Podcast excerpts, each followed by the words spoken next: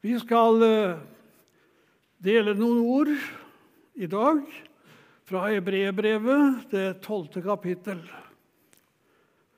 Der lyder det slik i Jesu navn. Derfor, når vi har en stor sky av vitner omkring oss, så la oss legge av alt som tynger, og synden som så lett fanger oss inn, og med utholdenhet fullføre det løpet som ligger foran oss med blikket festet på ham som er troens opphavsmann og fullender, Jesus. For å få den gleden han hadde i vente, holdt han ut på korset uten å bry seg om skammen.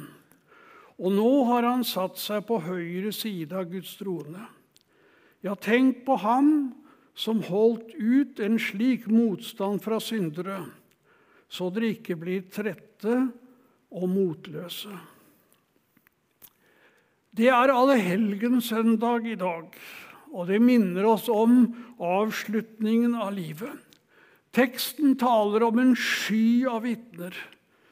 Det er de som har levd tidligere, og som hebreerbrevets forfatter nevner i det ellevte kapittel i hebreerbrevet.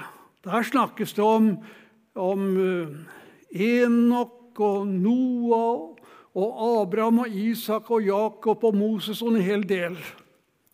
En stor flokk. Og så kunne vi legge til en del. I menigheten vår så har det i løpet av det siste året gått noen fra å være her til og med til å bli med i den store skaren. Og nå har jeg lyst til at vi skal reise oss. Og så skal vi minnes de som siden allehelgenssøndag i fjor har gått hjem til Herren. De av våre medlemmer. Og vi minnes de med takk. Det er Torleif Leksbø.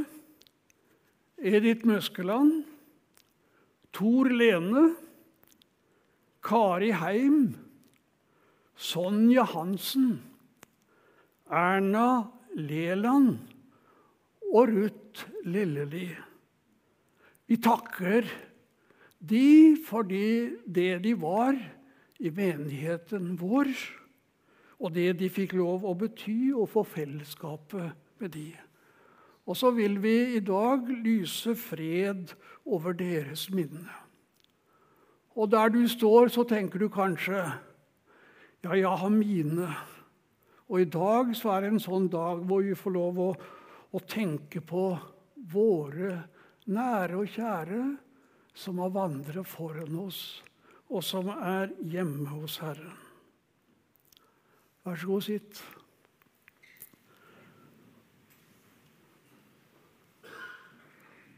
Og så ble det en liten gutt båret fram i dag. Starten på livet. Og vi spør hva skal det bli med dette barnet? Og Egentlig så er det to sider av samme sak, det her med begynnelsen av livet og avslutningen av livet. Utgangspunktet for livet er Guds skaperhånd. Og dere foreldre, dere har stått her med et under i hendene. For hvert menneske er et underverk. Og så har Gud en plan for hvert eneste menneske. Og så har han et mål og en hensikt for oss alle. Og, Gud, og i dag så skal jeg snakke litt om å løpe mot målet. Det er det som vi finner i teksten som jeg har lest i dag. Og bibelteksten bruker bilder fra idrettsbanen for å illustrere livet vårt. Og det brukes flere steder i Det nye testamentet. Hør her. Vet dere ikke at på stadion deltar alle i løpet, men bare én får seiersprisen? Løp da slik at dere vinner den. Alle som deltar i kamplekene, må nekte seg alt. De gjør det for å vinne en seierskrans som visner. Vi for å vinne en som aldri visner. Jeg løper derfor ikke uten, at, uten å ha et mål. Én ting gjør jeg. Jeg glemmer det som ligger bak, og strekker meg etter det som ligger foran. Og jeg jager mot målet, mot den seierspris som Gud fra det høye har kalt oss til i Jesus Kristus. Vi strekker oss framover. Vi vil vinne prisen! Vi vil nå målet! Gud vil at alle mennesker skal bli frelst og lære sannheten å kjenne. Og han har altså kalt oss til å løpe mot målet og vinne seiersprisen, kransen, himmelen og saligheten. Målet for livet vårt er ikke at vi skal bli rike, gjøre karriere, bli sett opp til, for ære av andre og skaffe oss et godt ettermæle. Målet for livet er at vi skal vinne det evige livet og få være hjemme hos Gud. Det evige livet handler ikke bare om kvantitet, men om kvalitet. Vi skal nå herligheten, der hvor det ikke er noe problemer, vanskeligheter, ingen død. Der alt er fullkomment. Underveis så skal livet vårt også preges av Guds vilje. Vi skal følge løp, løpsopplegget. Gud har sagt du skal elske Herren, vår Gud, og vår neste som vår sjøl. Det er en jobb å gjøre underveis. Det handler om å leve i kjærligheten fra Gud og vise den i praksis. Både i forhold til ham og i forhold til hans ord. Og så skal vi være til hjelp for andre mennesker. For hverandre, for familien, i menigheten og på de ulike arenaer der hvor vi ferdes. Foreldrerollen, som vi blir minnet om i dag, det er en del av dette. Selv om idrettsmannen har satt seg fore å, å vinne prisen og nå målet, så opplever han likevel at det er ikke så lett å få det til. Underveis kan han møte større utfordringer enn han hadde regnet med. Og han kan også erfare at, at kreftene er i ferd med å svikte. Slik er det også det kristne livet. Det kan være en god start å si 'Å, halleluja, nå er det bra!' Og så går det en stund, og så møter vi motgang og vanskeligheter. Og så blir det kanskje ikke så høyt halleluja. Det blir så lite halleluja. Og kanskje det også blir borte. Hebrebrevet er skrevet til mennesker som hadde begynt på troens vei i full frimodighet. De hadde altså satt seg som mål å vinne seiersprisen. Men så kjente de syndens og ondskapens krefter. Og det var som å løpe med en ryggsekk på ryggen. Og det vet vi at det er ikke så lett på idrettsbanen. Da vinner du ikke. Og i samfunnet møtte de lite forståelse for sin tro. De ble hånet, foraktet, forfulgt. Derfor så var de i ferd med å, å, gi opp. Men så lyder det i, teksten Hold ut! Se på Jesus! Og det her, Vi kjenner oss kanskje igjen, noen hver. I perioder når troen prøves, så går det tungt og tregt. Og når troen heller ikke får gehør hos andre, og du møter hån og forakt. Det kan være lett å gi opp.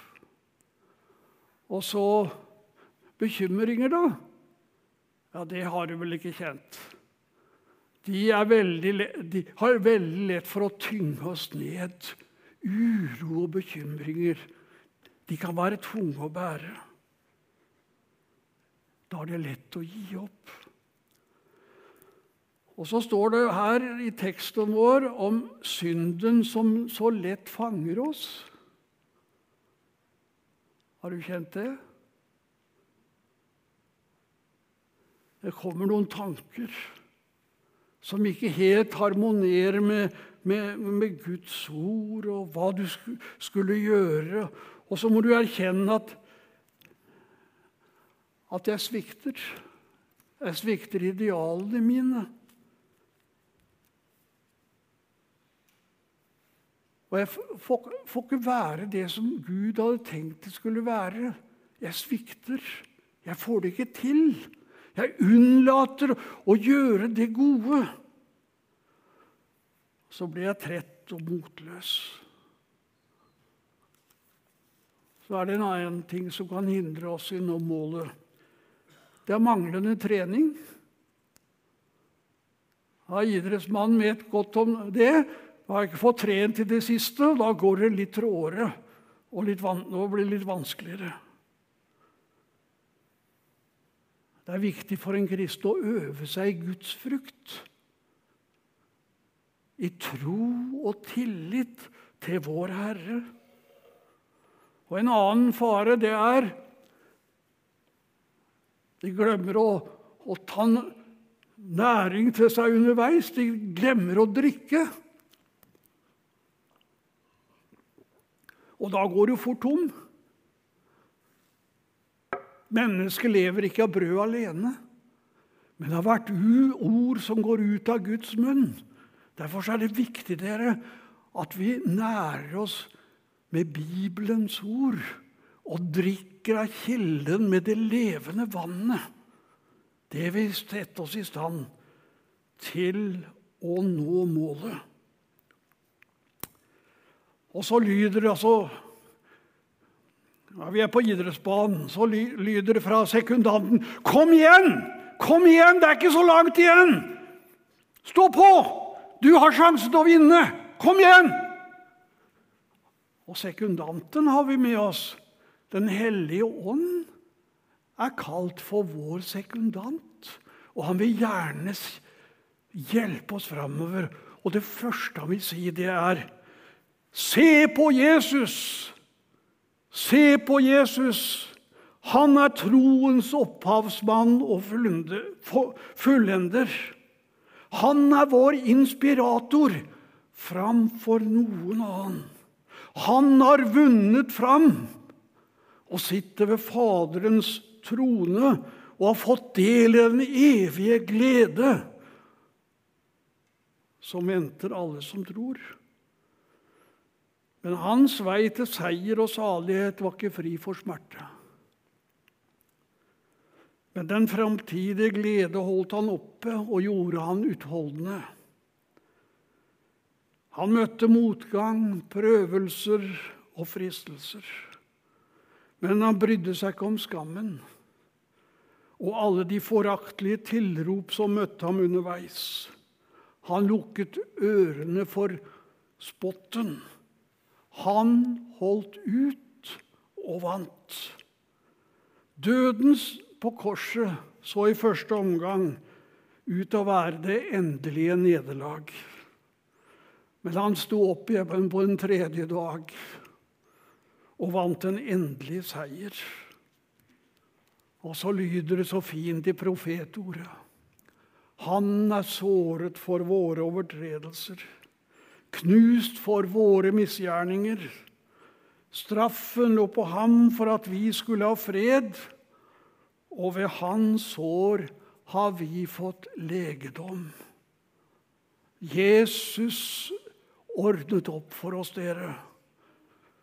Og frelsen er klar for oss.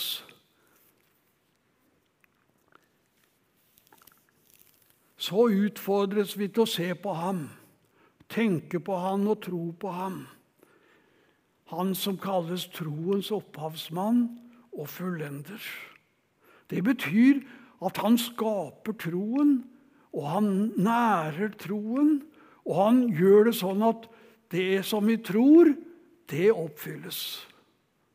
Og Hvis vi leser Det gamle testamentet og det som står i, i Hebrebrevet 11, så vil vi få en strålende eksempel på det. De trodde, og de handlet, og de opplevde at det som Gud hadde sagt, det holdt stikk. Ikke sant? Du kan stole på Han.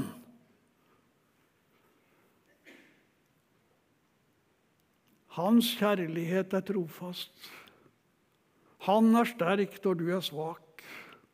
Hold fast på Jesus, se på ham, så vinner du prisen.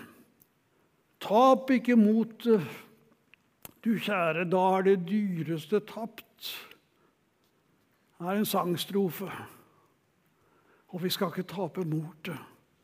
Se på Jesus, hent kraft og styrke fra ham.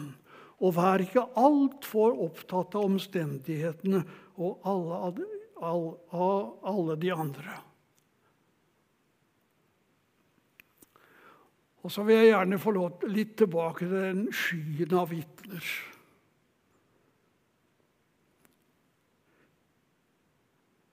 De er allerede i mål.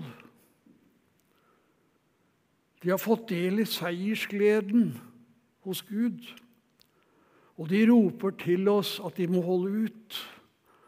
Og jeg ser jo liksom de, de derre Noah og Enok og Abraham og Isak og alle de andre, og Peter og Johannes og Thomas og alle de andre disiplene. Og så kan vi knytte noen av våre nære og kjære inn i dette, i dette fellesskapet. Så, er det, som, så er det som om de roper 'Hold ut! Det nytter! Det går!' For Jesus er med oss. Paulus var ikke i mål, men han var i fengsel. Og han sier, 'Jeg har stridd den gode strid, fullført løpet og bevart troen.' Nå ligger rettferdighetens krans klar for meg. Ja, det var flott. Det er flott vitnesbyrd. La oss tenke på det, slik at vi kan holde ut. Det er bare et lite stykke igjen.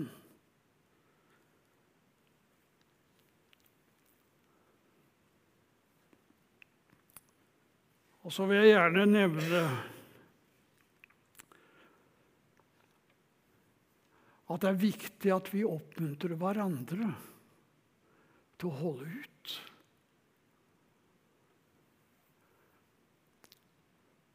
Hvis du løper og er med i et løp på idrettsbanen, altså, så skal du ikke bruke albuen for liksom å komme deg fram.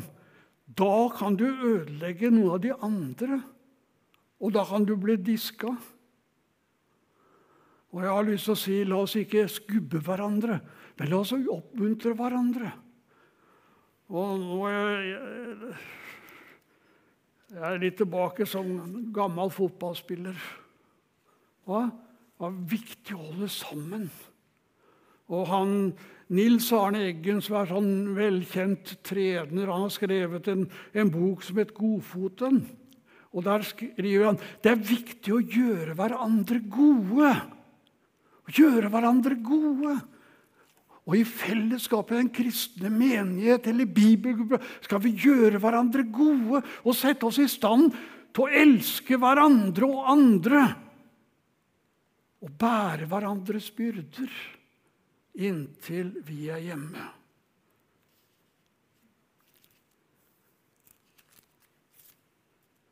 En stor skare. Og jeg så en stor skare, så stor at ingen kan telle den. Av alle nasjoner og stammer og folk og tungemål. De sto foran tronen og lammet, kledd i hvite kapper, med palmegrener i hendene, og de ropte av høy røst. Seieren kommer fra vår Gud, Han som sitter på tronen, og fra lammet. En stor skare. Dere, la oss alle sammen holde fast på troen på Jesus, så vi en dag skal få lov å være med når han samler alle sine. Lykke til i løpet. Det kan bli vanskeligheter, men seieren er innen rekkevidde, for Jesus har seiret. Amen.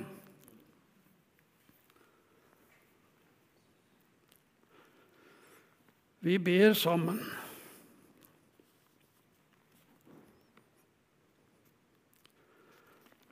Herre Jesus, takk. Takk for din seier. Takk for ditt fullbrakte verk på korset. Takk for din trofaste kjærlighet. Takk at du har makt til å holde oss oppe ved din rettferds høyre hånd. Hjelp oss, Herre, så vi alle sammen kan nå målet og få være med når du samler alle dine. Så vil vi be deg for barna og de unge. Lær de din vei.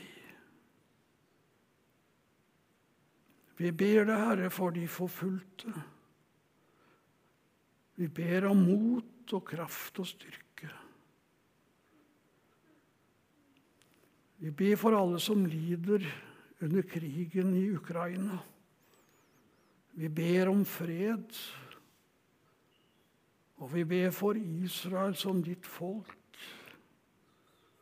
Vi ber for situasjonen i Midtøsten om fred. Så vi vil be deg for menigheten som vi får være en del av. Hjelp oss, Herre, til å være et fellesskap som kan bære hverandres byrder og inspirere hverandre, så vi kan nå målet. Vi vil også be deg for veien til Betelen, som vi snart skal arrangere, om din velsignelse over det. Takk at du hører oss når vi ber. Og så, så ber vi sammen, alle sammen. Vi ber den bønnen som Jesus lærte oss.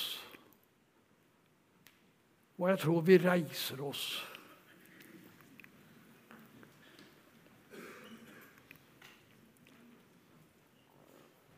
Vår Far i himmelen. La navnet ditt helliges. La riket ditt komme. La viljen din skje på jorden slik som i himmelen. Gi oss i dag vårt daglige brød, og tilgi oss vår skyld, slik også vi tilgir våre skyldnere.